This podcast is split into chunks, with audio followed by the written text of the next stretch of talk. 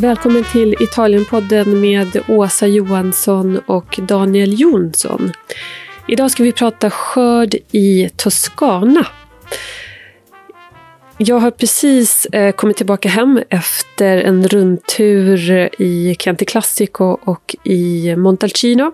Träffat många olika producenter, har intervjuat fyra av dem och fått höra vad de tycker om 2019 års skörd.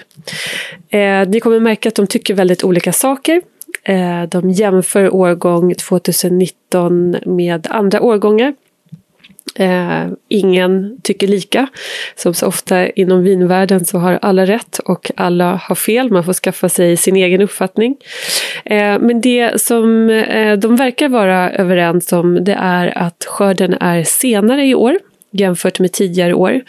Ehm, de kallar det ja, en klassisk skörd, så som det var innan klimatet blev varmare och varmare och skörden eh, tidigare och tidigare. Eh, så mm, de, de eh, har skördat eh, på vissa platser faktiskt tre veckor senare än, än tidigare år. Eh, de verkar också vara överens om att det här, eh, den här sena skörden beror på en väldigt sen blomning Eh, som konsekvens av en väldigt kall maj. Eh, vi hade en jättekall maj här i Toscana. Mycket regn och svalt väder. Eh, så det är en sen skörd, men de verkar också eh, väldigt glada över det de har eh, plockat eller håller på och plockar eller är på väg att plocka. Eh, när man skördar beror mycket på var man befinner sig och hur högt belägna vingårdarna är och hur svalt eh, klimatet är och vilket läge vingården ligger. Så det är väldigt olika förutsättningar. Eh, men i det här avsnittet så får ni träffa fyra producenter från tre olika vindistrikt. Eh, bland annat eh, Davide Cianfanelli eh, som är en, eh, från Podere Cianfanelli. En pytteliten gård i norra Chianti Classico. Davide har bara två hektar och arbetar själv på gården och började buteljera under eget namn för, ja nu ska vi se, tre, fyra år sedan. Så att han är liksom ny i gamet. Eh, och när jag kom dit så var, kom han ut och hade precis eh, tagit hand om det här pumping over eh, jäsningsprocessen och var alldeles eh, svettig och smutsig och bad om ursäkt och sådär och eh, pratade lite andfått i intervjun. Det får ni eh, höra lite längre fram här. Eh, efter det så åkte jag till Montalcino Eh, och den första gården i Montalcino heter Sasso di Sole. En familjeägd gård som ligger på den norra sidan av eh, Montalcino. Eh, och där träffade jag eh, källarmästaren, så den person som har hand om allt arbete inne i vinkällaren. Så en väldigt viktig person. Eh, som heter Lorenzo och som berättar om sina intryck. De var precis på väg att börja skörden samma dag som jag var där, så de var lite nervösa, det märktes. Um, och sen efter besöket hos eh, Sasso di Sole så åkte jag söderut och eh, ehm, till Coldorcia, en av de största gårdarna i Montalcino och träffade greven eh, Francesco Marone Cinzano. Um, som, ja, Coldorch är en stor välkänd producent som eh, Ja, det finns många av deras viner i Sverige, jättefina viner. Eh, stor vacker, vacker gård. Eh, och greven berättar personligen om hur han ser på skörden 2019. Ehm, efter Coldorcia så drog jag mig västerut till en liten by som heter Kollevaldelsa och träffar Helena som eh, tillsammans med sin man Dante driver gården Colombaya eh, strax utanför Kollevaldelsa. Och eh, på Colombaya så arbetar man biodynamiskt gör naturviner, jättefina viner på eh, Sangiovese och andra lokala druvsorter. Eh, så vi får veta också hur det är att skörda 2019 när man arbetar biodynamiskt i Toscana. Hoppas eh, ni tycker om det. Vi hörs framöver. Nästa resa blir Sicilien så får vi se hur eh, skörden går på Sicilien. Men först ut Toscana. Ciao ciao! Ciao Davide, come stai? bene, bene, tutto a posto, dai. So in, in, where, where are you? I'm in my place And where, in, where eh, in Martellina, strada in Chianti, comune di Greve. Eh, in Chianti Classico. sì, Chianti Classico. Yes, I make uh, the best Chianti Classico ever. And how was the harvest 2019 for you? was really good because uh, I pick up before this rain. Uh, the production are um, quite uh, big, and the grapes are uh, really safe. The acidity was good. The sugar uh, was good. So I'm uh, very happy and I make. uh, sono molto fiducioso su questa vendemmia. Okay, so you're hopeful. Yes, gonna be good yes. Because now it's fermenting. Yes, Okay. now uh, there is the fermentation, so we have the, to wait because uh, some flavor you can't uh, feel it, feeling now, and so we'll see. But the the the things uh, for the result are good. Perfect. So for one, two, three, or five star vintage, how many stars for 2019 vintage? Uh, four, Four. yes, Okay. four, four, yes. Perfect. Good luck with everything. Good luck to you. Ciao, Thanks. uh, ciao, ciao, ciao. Hi, my name is Lorenzo. And what do you do? I'm the cellarman of Sasso di Sole Estate. And where is uh, Sasso di Sole? Sasso di Sole is a family vineyard, is a family estate in Montalcino, in the northeast part of the Montalcino Council. And this year you're going to start the harvest today. Yeah, today is the first day of harvest. We just started the Sangiovese grape this morning, and we will finish in six, seven days. So how does it look? Perfect. We are very happy this year. So it looks very healthy, no mold, perfect maturation. So we expect a great vintage from 2019. What is it uh, similar to? Is it similar to something? Yes, in my opinion, is very similar to the great vintage 2016. Great grapes, berries, very healthy.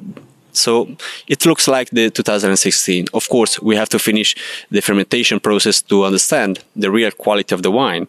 But so we're supposed to have a very good wine. Is it later than normal that you harvest? Right, right. So usually mm, we are in the normal normal time of uh, harvest.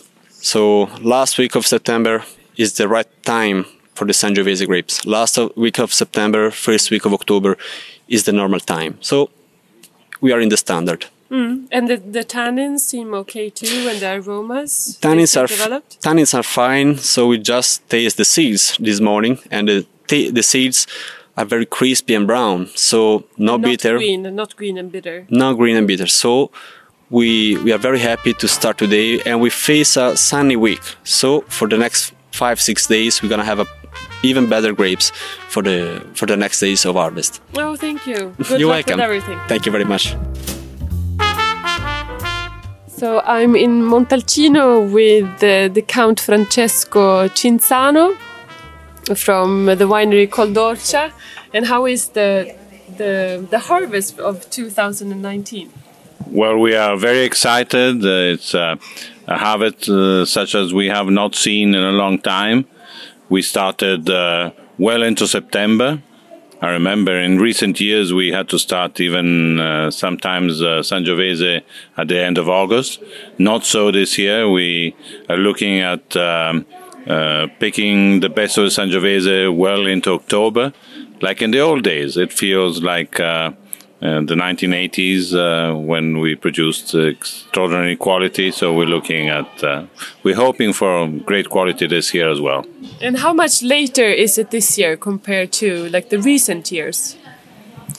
Well, a combination of uh, fresh weather and uh, uh, a couple of uh, very important rainfalls at the end of July and at the beginning of September uh, are really protracting the um, the maturation and. Um, we will see when we bring in the last grapes, uh, but we're certainly three weeks, two, three weeks, maybe even a little bit more, a little bit longer than recent years.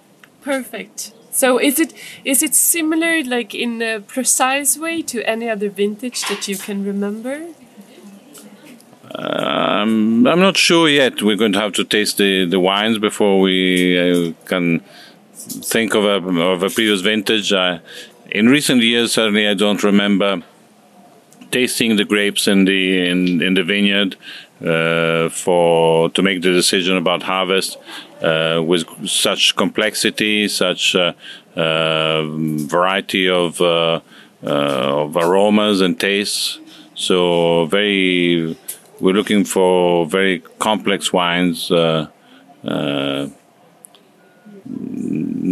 we're still uh, still evaluating. We cannot um, we cannot say yet. Sangiovese declares itself after uh, a few months in the in the cellar.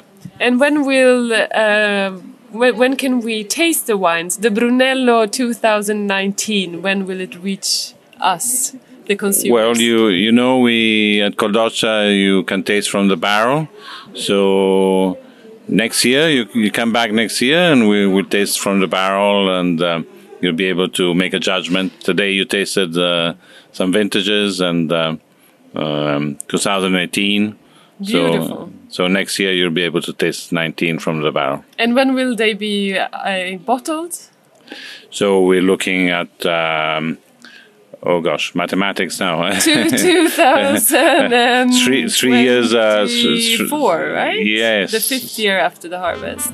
That's right. In 2023, we'll be bottling, and yeah. 24 we'll be releasing. So yeah. we had a lot of wine. That's why it's difficult with the mathematics. That's right. Yeah. Yes, yes, Perfect. Thank you so much. Thank you. Thank, Thank you. you.